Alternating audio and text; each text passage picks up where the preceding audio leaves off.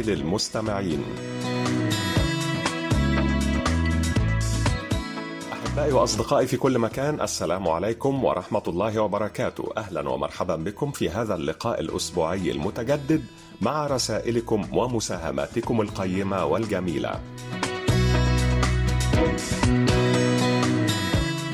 وفي البداية نشكركم أيها الأصدقاء الأعزاء على تعليقاتكم حول الموضوع الذي طرحناه الأسبوع الماضي وهو كيف تتوقع أن تتغير حياتك عندما تكبر في العمر؟ وسوف نستعرض خلال هذه الحلقة بعض الردود التي جاءت إلينا على صفحتنا على فيسبوك.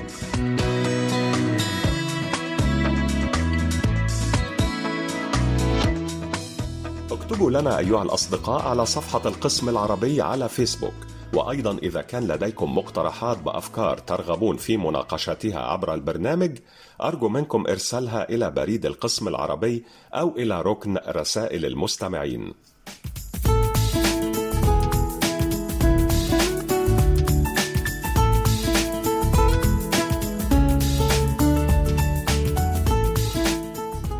ونبدأ الآن مع صديقنا العزيز عبد الإله إزو من مدينة الخميسات بالمملكة المغربية الذي يقول في الحياة هناك نياشين وضاءة لا ترى بالعين بل بالروح.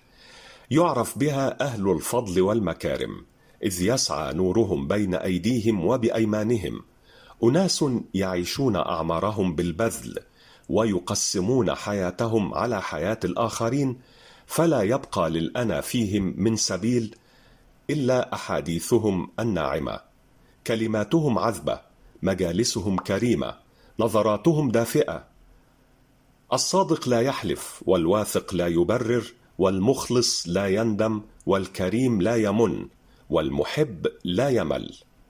الأمر ليس بكثرتهم حولك إنما بمن يأتيك دون أن تناديه ومن يربت على كتفك دون أن تخبره بأنك مثقل. احترامك للناس لا يعني حاجتك إليهم ولكن مبدا تتعلمه من دينك وتربيتك كن ثريا بأخلاقك كبيرا بتواضعك.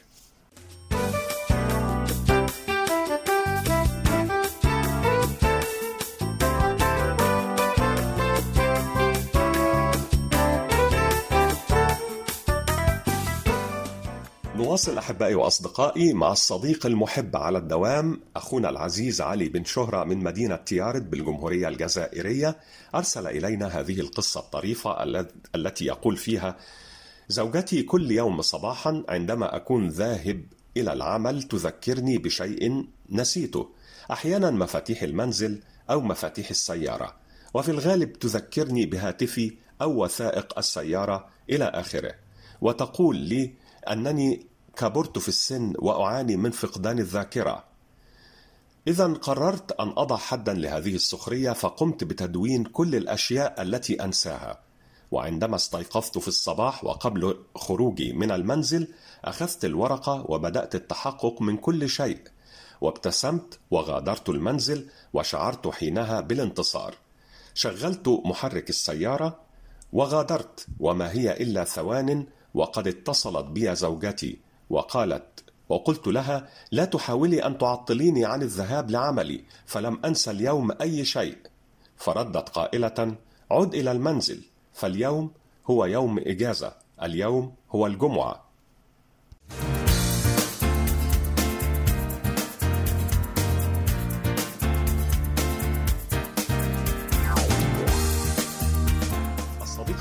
محمد السيد عبد الرحيم عنوان شارع الشوشة مركز الحسينية الرقم البريدي 44 654 محافظة الشرقية جمهورية مصر العربية أرسل إلينا هذه الأقوال والحكم الجميلة.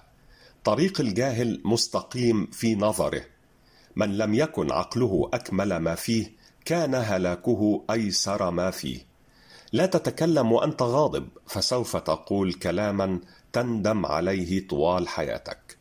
جمال الروح هو الشيء الوحيد الذي لا يستطيع الزمن أن ينال منه. اصنع المعروف في أهله وفي غير أهله فإن لم تجد أهله فأنت أهله.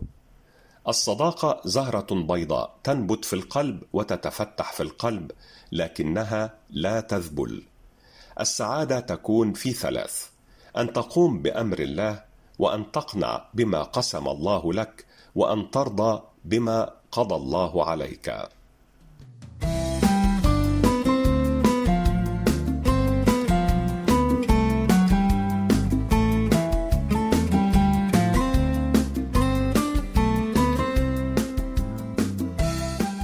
رصدنا الرسمي وصديقنا العزيز محمد بودوخة من الجزائر أرسل إلينا مساهمة من التراث العربي.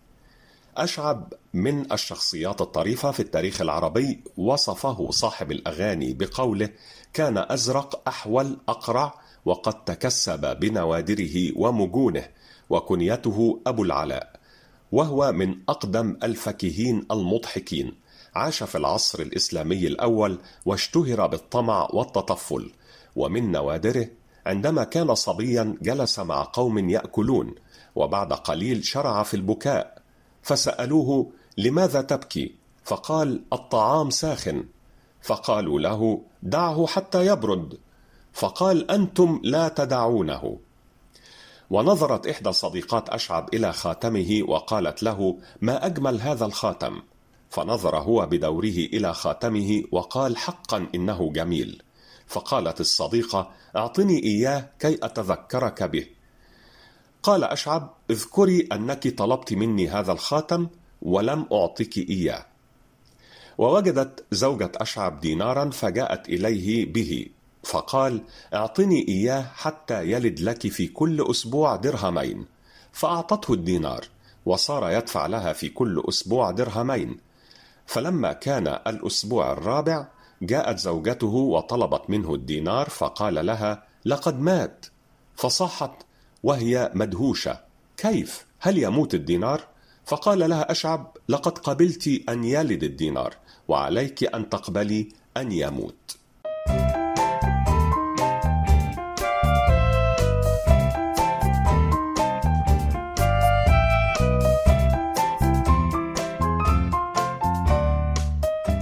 معنا الآن مساهمة جميلة من صديقنا العزيز جمال عبد الله من الجمهورية التونسية. عن فوائد قشر الرمان المطحون. يقول صديقنا العزيز جمال عبد الله يعتبر الرمان فاكهة لذيذة يتم تناولها في جميع أنحاء العالم ويعود أصلها إلى كل من إيران وأفغانستان والصين والهند. ثم انتقلت زراعتها إلى دول حوض البحر الأبيض المتوسط. ويحتوي الرمان على الكثير من مضادات الأكسدة كما يتميز قشره الذي يحتل حوالي 26 أو 30% من وزن الثمرة باحتوائه على كميات كبيرة من مضادات الأكسدة أكثر بكثير من اللب. لذلك يمكن أن يتم عمل مكملات غذائية من مستخلص قشر الرمان تكون أكثر فائدة من مستخلص لب الرمان نفسه. ويفيد قشر الرمان في علاج مرض التهاب القولون ومحاربة السرطان ومقاومة الالتهابات والإنفلونزا والملاريا وهشاشة العظام والسكري ودهون الدم. كما أوضحت دراسات علمية أن لمستخلص قشور الرمان دورا فعالا في محاربة الفطريات الجلدية التي تصيب البشرة والأظافر والشعر ويحفز مستخلص قشور الرمان إنتاج الكولاجين وتجديد خلايا البشرة.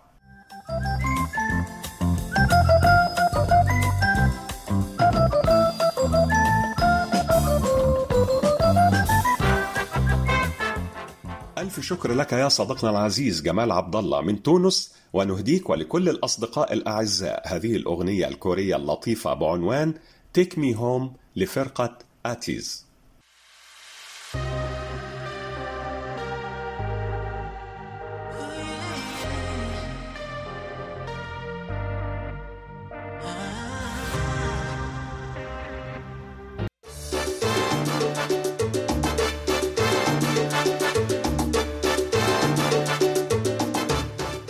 الآن إليكم أحبائي وأصدقائي بعض الردود السريعة عن رسائلكم. أحبائي وأصدقائي أدعوكم جميعا لإرسال تسجيلاتكم الصوتية التي تحتوي على مساهمات أو كلمات كتبتموها بأنفسكم أو مقترحات أو أفكار تريدون توصيلها عبر البرنامج. مشكور يا مستمعنا الوفي بو علي مؤمن وعنوانه صندوق بريد 175 الكاليتوس 16057 الجزائر. يقول صديقنا العزيز أبو علي مؤمن الخذلان يأتيك غالبا من الأشخاص الذين قضيت عمرك في ترميمهم. أما في الحب فمن يغذل مشاعرك فلن تعود إليه حتى وإن عاد. أما الألم فلا يكون على الأشخاص بل يكون على الوقت الذي قضيته في ترميمهم وأنت قد نسيت حتى نفسك. والأهم أن الضربة التي توجع قلبك تكبر لك عقلك. ومشكورة يا صديقتنا العزيزة رسل عبد الوهاب من العراق على هذه المعلومات. عادات يومية تستنزف الطاقة أخذ الأمور بشكل شخصي التشبث بالماضي إدمان مواقع التواصل الاجتماعي النوم في وقت متأخر سوء التغذية التذمر المستمر التفكير الزائد محاولة إرضاء الجميع عدم الاستمتاع باللحظة. الشكر موصول لصديقتنا المخلصة ورصيدتنا الرسمية أوج شيماء من العراق بغداد. على هذه المعلومة الجرافيتي كلمة مشتقة من الكلمة الإيطالية جرافيتو. التي تعني النقش وهي تدل على الفن القديم الحديث الذي يعد من أكثر الحركات الفنية المعاصرة الثورية ويسمى أيضا بفن الشوارع.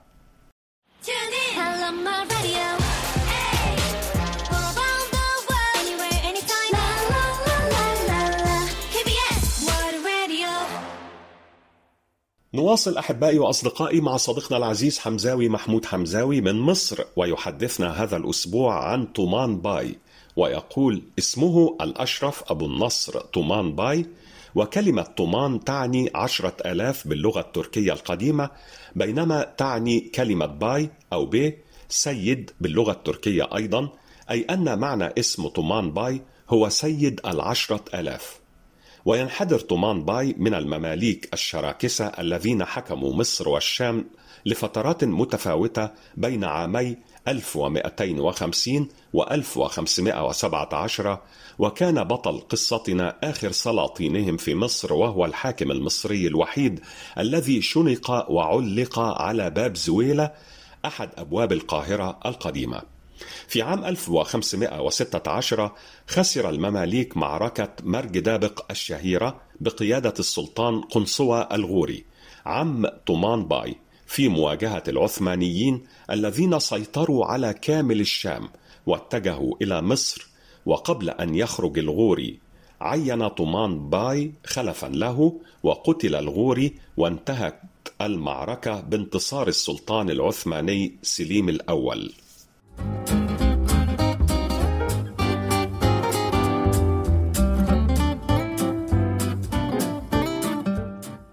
أحبائي وأصدقائي مستمعنا العزيز الخل الوفي. إدريس بودينا من المملكة المغربية أرسل إلينا هذه المساهمة تحت عنوان قالوا ما من إنسان لا يشكل خطرا على إنسان. يقول الرجل في المرأة ما يشاء وتفعل المرأة بالرجل ما تشاء. قطاع الطرق يطلبون منك إما النقود وإما حياتك.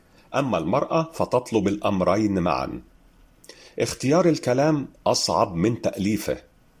ما من عظمة إلا وبها مسحة من الجنون. طعم المجاملة لذيذ بشرط ألا تبتلعها. إذا جعلت شخصيتك دودة تزحف على الأرض فلا تلم من يدوسك بقدمه. الناقد شخص يعرف معالم الطريق لكنه لا يستطيع قيادة السيارة. كلما زاد عدد الأمور التي يخجل منها الإنسان كان أقرب إلى الكمال. أخيرا التردد وإطالة التفكير في القيام بعمل ما يتحول غالبا إلى سبب لإبطاله.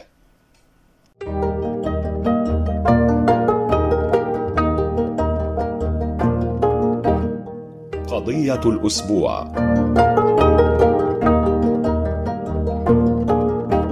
وموضوعنا هذا الأسبوع هو كيف تتوقع أن تتغير حياتك عندما تكبر في العمر؟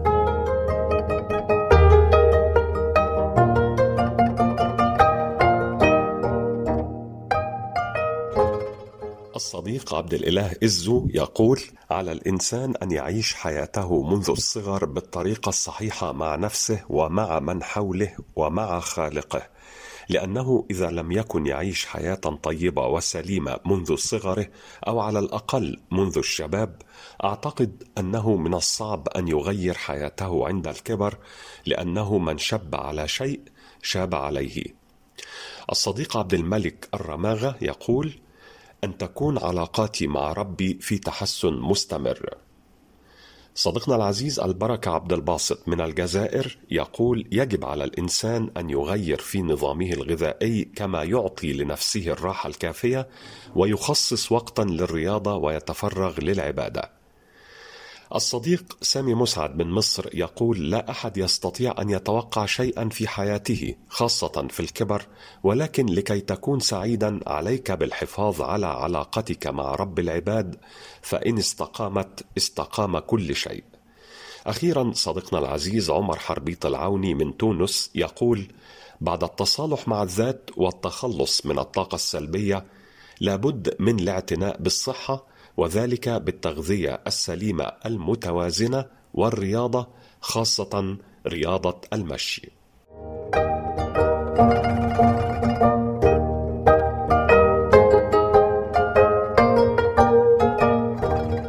ألف شكر لكم أيها الأصدقاء الأعزاء على كل مشاركاتكم القيمة وننتظر منكم المزيد وسوف نواصل معكم بعد قليل.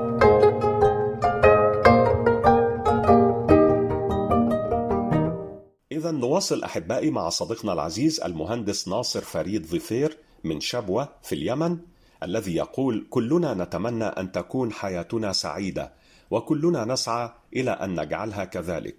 ولكي تعيش سعيدا اتبع أهم الطرق المؤدية للسعادة وهي استمع أكثر مما تتكلم فقد خلق الله لك أذنين وفم واحد لتسمع أكثر مما تقول. فكثرة كلامك تصنع فرصة للخطأ وكثرة صمتك توحي للآخرين بأنك أكثر ذكاء مما أنت عليه في الحقيقة. واعلم أن نصف الحكمة تكون في الصمت. أسرارك الخاصة لك وحدك فاحتفظ بها. واحذر من أن تجعل حياتك كتابا مفتوحا أمام الجميع.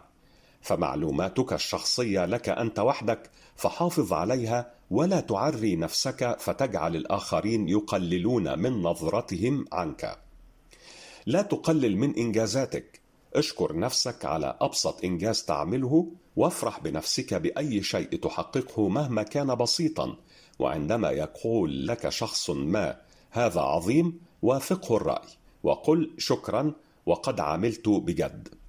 اعترف بأخطائك بكل سهولة ولباقة وسرعة.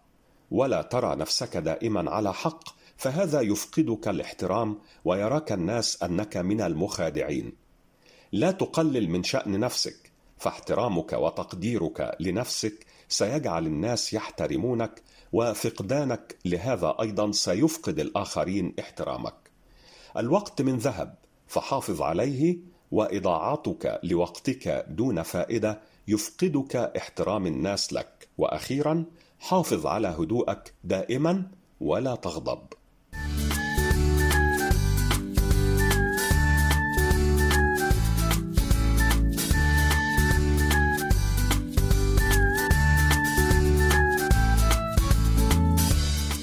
أما الآن أحبائي وأصدقائي نختتم حلقة هذا الأسبوع مع مساهمة جميلة من صديقنا العزيز الدكتور نوري عبد الرزاق.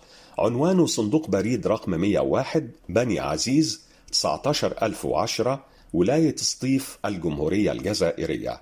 يقول القناعة تعكس نوعا من التوازن في أعماق نفس الإنسان لأن الله تعالى قسم الأشياء والحظوظ بين الناس أعطاني شيئا وأعطى الآخرين اشياء أخرى والمهم أن يكون كل إنسان قانعا بما عنده.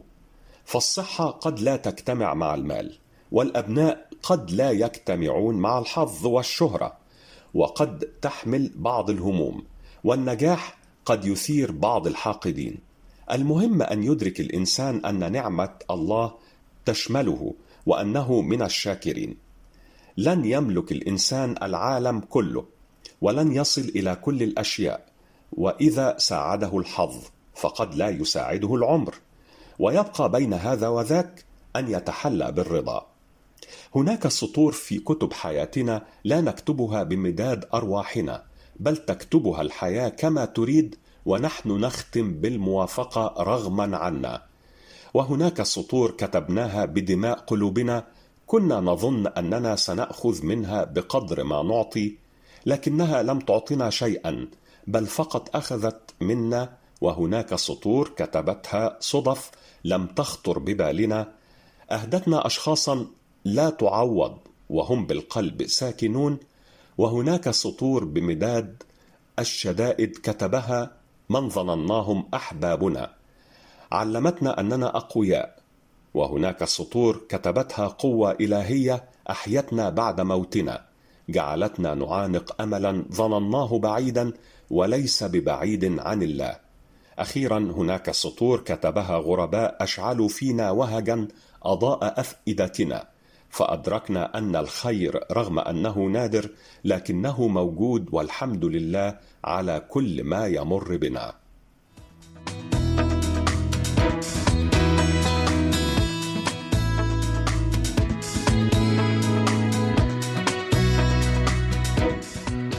بهذه الكلمات الجميلة نكون قد وصلنا وإياكم أحبائي وأصدقائي إلى ختام حلقة هذا الأسبوع من برنامجكم المحبب رسائل المستمعين. نعدكم أيها الأصدقاء الأعزاء بأن نلتقي بكم في مثل هذا الموعد من الأسبوع القادم إن شاء الله. وحتى ذلك الحين إليكم تحيات مخرجة البرنامج لؤلؤة بيجونغ أوك وقمر كيم بيونغ وهذه تحياتي يسري صبابي.